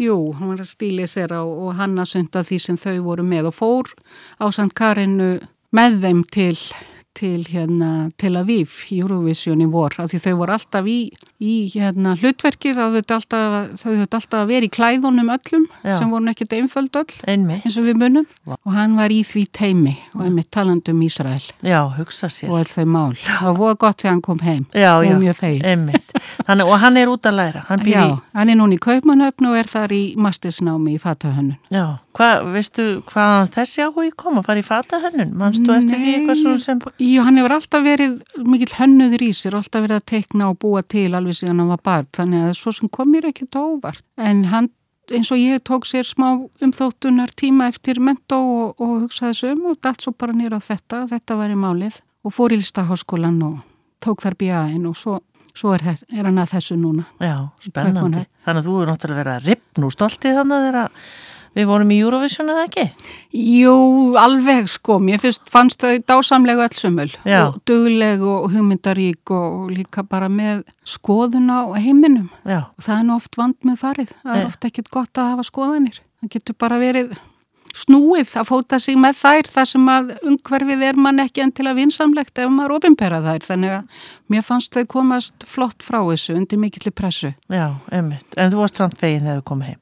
Já, ég held að allir hafi verið fegnir þegar þau komið heim. Þetta bara, það er bara Ísrael er í, það er ekkert svona ástand þar sem að fólk lifir ekki normal með fullri verðingu fyrir Ísrael að borgarar þessu lands geti ekki lifað frjálsu eðlilugu lífi eins og eins og allavega myndi halda að vera ákjósanlegt í svona vest, sæmilega vestrænu líðræðislegu frjálsu landi. Nei, emitt. Og það gildir bæðin gíðing og araba. Þetta er ákveðin krumla sem þau eru fæst í, daglega líka. Það er bara, já. Svo kemur svona eins og Eurovision sem er einhvern veginn bara, sínir einhvern veginn alls ekki rétt að mynda af land og þjóð. Það er svolítið skrítið segja sumir að þið séu bara yfir höfu með í þessari keppni. Já, nú þekk ég mitt og það var einmitt útlista ágætlega fyrir Eurovision hefðin í því sem tengist sögu evróskara út, útvástöðu einhver, með einhverjum hætti. Já. Þannig það er ástæðan fyrir því. Að þeir eru með? Já, og hafa alltaf verið og, og svo sem ekkert með það. Þetta var bara mjög snúið þarna, sérstaklega bara líka í kjölfar versnandi ástands. Við viljum að taka núna Örstu Klé, hún er hjá mér hérna unnur Byrna Kallstóttir sem að er búin að, já við erum búin að hendast hérna yfir hérna fyrir hluta æfinar. Við viljum að heyra í setni hlutan um uh, bókin hennar, Örafa hjörðina, reyndir á Íslandi, hvaðan sá hér kemur hjá henni og uh, svo ætlum við líka að heyra Örstu þetta ferðalagi sem hún er nýkomin úr. Sunnudagssögur með Rafnildi Haldóstóttur á Rástfö. Unnur Birna Kallstóttir er gestur minn hérna og við erum búin að, eins og ég segi, hendast hérna yfir eh, frá því hún fættist í sveitinni, var í heimavist á Þelamörk, fór svo í mennskólan á Akureyri og svo í vinna í nokkur ár, fór svo í sagfræðina og fengist við ímissvið á sviðum sagfræði. En þá er kannski rétt að spyrja þið fyrst Unnur Birna Kallstóttir, hvað rekur því í það að skrifa þá bók um reyndir á Íslandi? Forsæðan er svo að Ég kom inn á Östurland, fluttið þangað höstið 2012 og var komin með stöðu þar sem forstöðum aður Minjasaps Östurlands og eitt af því verkefnu sem að blasti við var að skiptum grunnsýningu í safninu að hluta til og þannig ég fer hann að horfa í kringum í, í þessum fjórðungi hvað maður ætti þá að, hvað safnið ætti að taka fyrir. Og finn fljótlega sé fljótlega að það er bara alveg plást til að gera stóra síningu um reyndir á Ísturlandi og það var engin slík fyrir. Og, og hafði aldrei verið eða? Það hafði verið tímabundan minnissíningar á, árum áður alveg, á Gunnarstofnu til dæmis og Skauðuklaustri og, og lítil síning á, á Skjöldólstöðum, það gisti aðstöðinni þar, svona nokkri munir og, og plakött og, og upplýsinga plakot en það var alveg sá ég af því að þessi svolítið stór síningasalur hjá minniasafninu og eilstöðum í samnahúsinu að þannig að ég sá að það var hægt að gera gera svolítið veglega síningu um reyndirinn og þannig ég fór í það og fór að stað í því að safna, bara safna heimildum og, og, og myndum og hljóðefni og kvikmyndum og öllu mögulegu. Já, er þetta þá fljóðlega eftir 2012? Já, fyrir á staði þess að vinna bara um áramótin 2012-13 og að safna styrkjum sem var nú stort verkefni í þessu líka. Og hérna, og svo fer þetta alltaf, ég fæði Björn Björnsson síningahannuð í lið með mér sem var alveg dásanlegt og svo bara eru við, áðinu við vitum að eru við komin að fylta að bú til þessa reyndýra síningu og hún stendur ennþá og fer held ég bara eldist ágætlega held ég Ég held meiri segja að þetta er alltaf sem fyrst spilar, það eru spilarar og videotækja og svona ég held þetta, eða sem sagt spilarar og skjávarpar og slíkt en ég held meiri segja að þau tækja sér en þá í gangi og hérna bara guðsi lof, af því það er alltaf mest að stressið öll tæknir að erfiðast að láta hana að lifa, Já. það er auðveldara með munir að sjálfa, fysiska hluti og spjöldin og allt þetta. En svo þegar að, að ég er 2014 þá auglísir Háskóli Íslands rannsóknastöðu á Ístulandi og þemað maður og náttúra og ég brýjar í sóttum það, stækkaði bara hreyndira hugmynd mína upp í akademíska rannsókn og setja inn sem umsókn Já. um rannsóknarverkefni og fæð þá stöðu.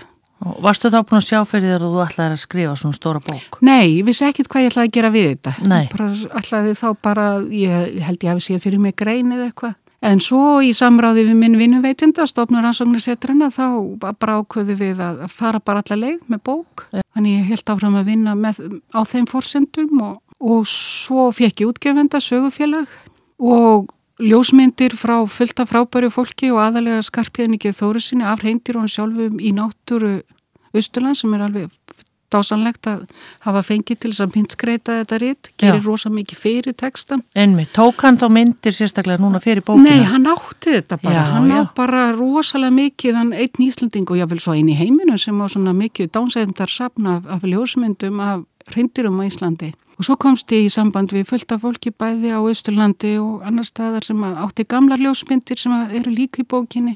Gamla myndir að reyndir að veiðum og fleiru. Og reyndar fann miklu meira efnin í nokkuð tíma gett komið í þessa bók. Hún væri bara reysastóri ef allt væri með. Já, einmitt. En ert þú þá bara, myndur þú segja, Birna, að þú væri orðin bara algjör sérfræðingur um reyndir á Íslandi? Eftir þess að vinna alla? Nei, mér ég þóri nú ekki að kalla mig það. Ég held að að sérfræðingar í reyndirónum ég get verið sérfræðingur í sögur reyndýra en sérfræðingarnir í reyndirónum eru lífræðingarnir hjá Náttúrustofu Östular En þegar ferð til og meins bara upp á þau svæði þar sem reyndirinn er og svona, ertu þetta aldrei fróðum þú veist bara Já, í sjálfu sér, auðvitað, eftir að hafa leið í þessu og hérna og líka í þessu og kynst þessu samfélagi sem hefur verið í sambúð við reyndirinn já, til, í nokkur árhundruð orðin af því þau koma á tjóndöld og, og á Ístulandi hafa menn margir lifað og ræst í, í þessari til dæmis veiðimenningu en líka bara við það að reyndirinn séu svona árvísi gestir að komi byggð og sjáist og, og svona séu kringum bæi og, og sveitabæi, og bæi. Hvernig er nú bara svona ef við rennum aðeins yfir söguna, átjóndu öld, hvers vegna komuðu til Íslands? Þau átt að vera búbót fyrir Íslandinga, sem bara bjargræði í harðindum. Men viss að þau gætu lifað úti áhrifðum kring, þyrt ekki hei og sumir sáu fyrir sér Íslandinga gætu haft þau tamin svona eins og samar en svo fljótlega var nú niðurstaðan að hér eru þau svo vilt og, og myndu þá bara verða veitt og sem slík búbjörg. En Íslingar hafa alltaf alveg fram á síðustu ár, hafa alltaf verið hugmyndurum að sem einhverjir hafa viljað hafa nýttja hjörð á reyndýrum. En svona Íslands stjórnvöld hafa alla 2000-öldin ekki, ekki tekið undir það. Nei, en af hverju, hver er ástæðin fyrir þetta er þarna fyrir austan? Þau livðu, þau voru nú sett á Reykjanesið og í Þingjaðarsíslur en dóu út þar. Já. Kannski erfiðar aðstæður, jafnvel meiri veiði, þau eru meiri rend við byggð heldur en þegar það sem þú heldur til lengst inn á öröfum á Östurlandi en þar eru skilst mér lífræðingu líka kjör aðstæður jáfnvel fyrir reyndir, það er stabillar hér á Reykjanesum til dæmis umleipingar það er ekki veðurfar sem er gott fyrir þau til dæmis á veturna. Mm -hmm. kannski stabilla á Östurlandi upp til heiða og inn á öröfum því þau eru góði í frost og kuldi en þau eru ekki góði í rigningu, slitt og svo snjójali ofana og hvað þá þegar frísi yfir og allt fyrir blóta þannig að þau ekki gjörð og svona mm. og einst í þingjaðsíslum þannig að það eru svona gamla sagnir af því þau koma nýri byggð og eru hungruð og horruð af því þau ná ekki gjörð En á Ísturlandi hafa þau svo viðfemt óbyggt svæði þannig að það er svona alls konar kenningar um það hvers vegna. En allavega þá lifði stopnin sem var settur í land í Vopnafyrði 1787. Það, það eru forfeður þeirra sem eru á lífi í dag. Já, sem eru hvað mörg? Í dag er stofnin held ég ykkur starf í kringum, eitthvað rokkandi, 6.000 dýr, maður það ekki. Já. já, og það er passa vel upp á þetta með veiðar og já. fylgst vel með. Stoppstærðir stýrt með, með veiðum. Þessin er kvóti árlega og, er, og kynja skiptur og svæði skiptur veiðikvóti og þannig það er svona reynd að stýra stoppstærðira með, með veiðum og hefur tekist príðilega held ég svona besta fyrirkomulegið á þessu held ég að sé komið, sé það kerfi sem að menn er að nota núna. Það virðist reynast príðilega Já. þó það sé aldrei alveg sátt um alla hluti eins og gengur. Nei, en finnst þér eins og þegar þú setur upp þessa síningu þarna fyrir austan og svona, er almennt svona, jújú, jú, fólki er vant þessu fyrir austan að þau koma til byggða og þau sjáu þau og svona, en annars er ekki droslega mikið vitað um hreindir, ég menna almenningu veit ekki droslega mikið um þessi dýr. Nei, ekki, ekki almenningur kannski á Íslandi almennt, þannig ég vona að þú séu eitthvað svona fróðilegt í þessu fyrir þá sem að allavega þá sem að hafa ekkert verið að hugsa til þeirra. Ég til dæmi sjálf vissi ekkert um reyndir þegar ég fór á stað. Nei. Það er ekki hugmyndum hvað, hvað, hvað þessi dýrbardús eða hvað þau hafa haldið sig eða hvers vegna þau voru svo sem hér þó maður vissi svona eitthvað óljóst en ekkert svona, ég vissi ekki að það væri allir þessi saga í kringum þau, það kom mér skemmtilega óvart hvað þetta er skemmtilegt og áhugavert efni að rannsaka. Hvað með þessu svona nýtnina? Við þetta nýtum hérna kjötið og allt það og, og skinnir en, en mjölkin til dæmis, er eitthvað að nýta það, vistu það? Samar og, og hérna hyrðingjar á, á norður slóðum í Sýbri og það nýta allt af reyndirinu. En okkur gerum við en, ekki? En það, þá, þá þurfa þau að vera tamin, bara Já. svona eins og þá ertu bara með þau eins og Íslandingar voru með kindurna til forna, bara er í kvíum og, og eru bara mannvön og þú ert með þau eins og hverjanu hústýr. Hér á Íslandi eru þau vilt Já. og hérna þannig að það er bara ástæðan fyrir því, það var ekki fyrir fjandan sjálfan að hann sem var hengir til að mjölkana Þau eru svakalega stygg þó þau komið svona til byggða Já, þau eru stygg og svo, svo er þeir, þetta tengist í bara já, þessi nýtingarsaga það hún hefur ekki verið með þessum hætti hér á Íslandi Nei, en hefur þú smakkað? Mjölk eða ost eða eitthvað? Nei, ég hef ekki Nei. gert það. Ég stefni nú að ég að fara á sama slóðir og, og svona forvitnast hjá þeim að því það er alls konar og merkilegur matarkúltur í, hjá þeim í tengslu við reyndirið og þeir gera svona og eru reyndar að reyna að halda því við í dag því nú eru þetta nútíma lífsættir þar að taka yfir og ungar kynnslóðir kannski nenni ekki alltast við allt þetta nostur með að nýta allt af gripnum. En þeir nýta þetta svona eins og eins og ég segja eins og Íslandingar nýttu söðkindina það er bara allt af dýrinu er, er, er var og er nýtt. Þannig að það væri forvetnilegt að smakka hjá þeim já, einmitt, reyndiramjólk og stár reyndiramjólk og, og þeir nýta allan innmat og og húðina og beini og allt bara. Já, einmitt. Hefur þú farið sjálf á skyttir í eða farið með eða eitthvað slíkt? Nei, ég hef ekki gert það og ég veit að ég er engin veiðumæður að... Heldur þú gætir það? Svona... Ég held ekki, ég held að ég myndi ekki tíma því bara. Þykir og vænt um það. Ég held að mér finnist þau of krútlega eitthvað. Já.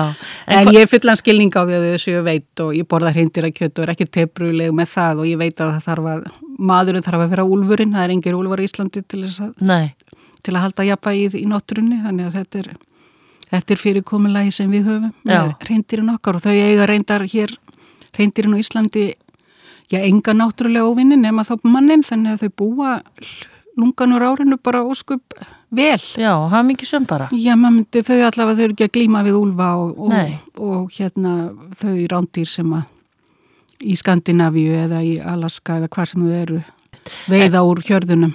Nei, en hvað er það sem rekuðu þá til byggða? Hvað akkur eru þau að koma svo nálagt? Í dag er þau orðið, þau eru nú bara reynlega orðin, að því þau eru fleiri þá, þá sjástu þau nú oftar en það er, þau eru mannvannari og byggðavanari Já. og svo bara alveg frá, frá því að það fara að verða sögur af þeim að þá komaðu niður til byggða ef að hartir á jörð uppi Já. En, þá leitaðu bara, er að leita sér að, að æti, bara að leitað jörð, að ná í jörð. Já, en geta þau verið hættuleg? Nei, þau eru sögmennlaus en það þarf að passa sig á törfum á fengitíð. Þau eru bara eins og hannu kallt í árásagjöld, þannig að maður ekkert að vera, vera appast upp á þá. Nei. Þannig að hérna, út á, það með þessi rísa hotn. Hotn, já. Það geta verið. Geta verið hérna mannigir. Já, og þau ferðast alltaf um í hjörðum. Það þú sér ekki droslega oft eitt treyndýr, er það? Jú, það er, þau, eru, þau eru líka jafnvel einfarar og tarfarni geta verið að þvælast einir og rólegir bara eitthvað fullotnir en, en þau ferðast, eða eru í litlum hópum. Já. En svo að sumrin svona skilst mér að þá eru þau í stærstu hjörðunum. Þá eru allar kynnslóði saman og, og báðin kynjum. Það er svona helst þá sem að sjáum á svona júli stórar hjarðir og þess vegna til dæmis er að farið á í júli og talið stofnin Já. úr lofti, úr flugi. Því þá má sjá svona þá hafa þau saminast í stærri hópa þannig það er að fá betri mynd af stoppstærðinni. Já, En svona áriðum kring eru þau svona geta verið tvöða þrjú og stundum eitt áferði ef einhver hefur líka tínt hópnum. Mm -hmm. Þannig það er allt til í því, alveg frá örfóttýr upp í nokkra tugi eða nokkur hundruð. Já, og það eru vantilega einhverju einstaklingar hérna fyrir austanunnu sem eru bara vita allt um hreindirinn.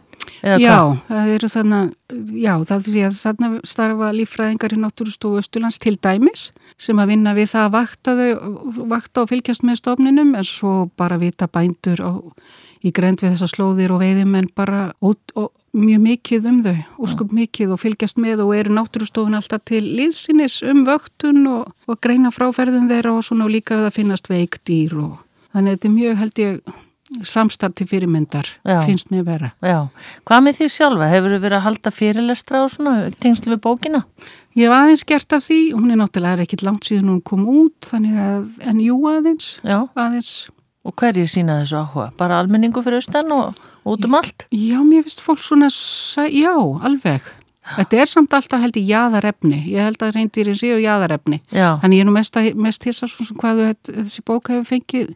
Já, hvað viðbröð, það er bara gaman að því. Já, mér hefur nú freka fundist þetta sko svo áhugavert þegar maður einhvern veginn hefur eitthvað svo lítið um þetta að segja því þetta er alltaf Já. einhvern veginn bara þarna. Já. Já. Já, dýr hínum einu landinu. Já, En hvernig fannst þér að flytja svona austur, hafandi kannski, þú hafði náttúrulega ekkert búið þarna á þessu svæði áður eða eitthvað? Það var voða gaman, það var mikil bara skemmtileg ný lífsreynsla. Ég vissi lítið um Austurland og hefði ekki dvalið þar þannig að það var bara heilmikið skemmtileg. Já, og býrði á eigilstöðum eða? Já, býði í Fellabæ og starfa á eigilstöðum. Já. Og það er svona sitt hverju með við fljótið. Já.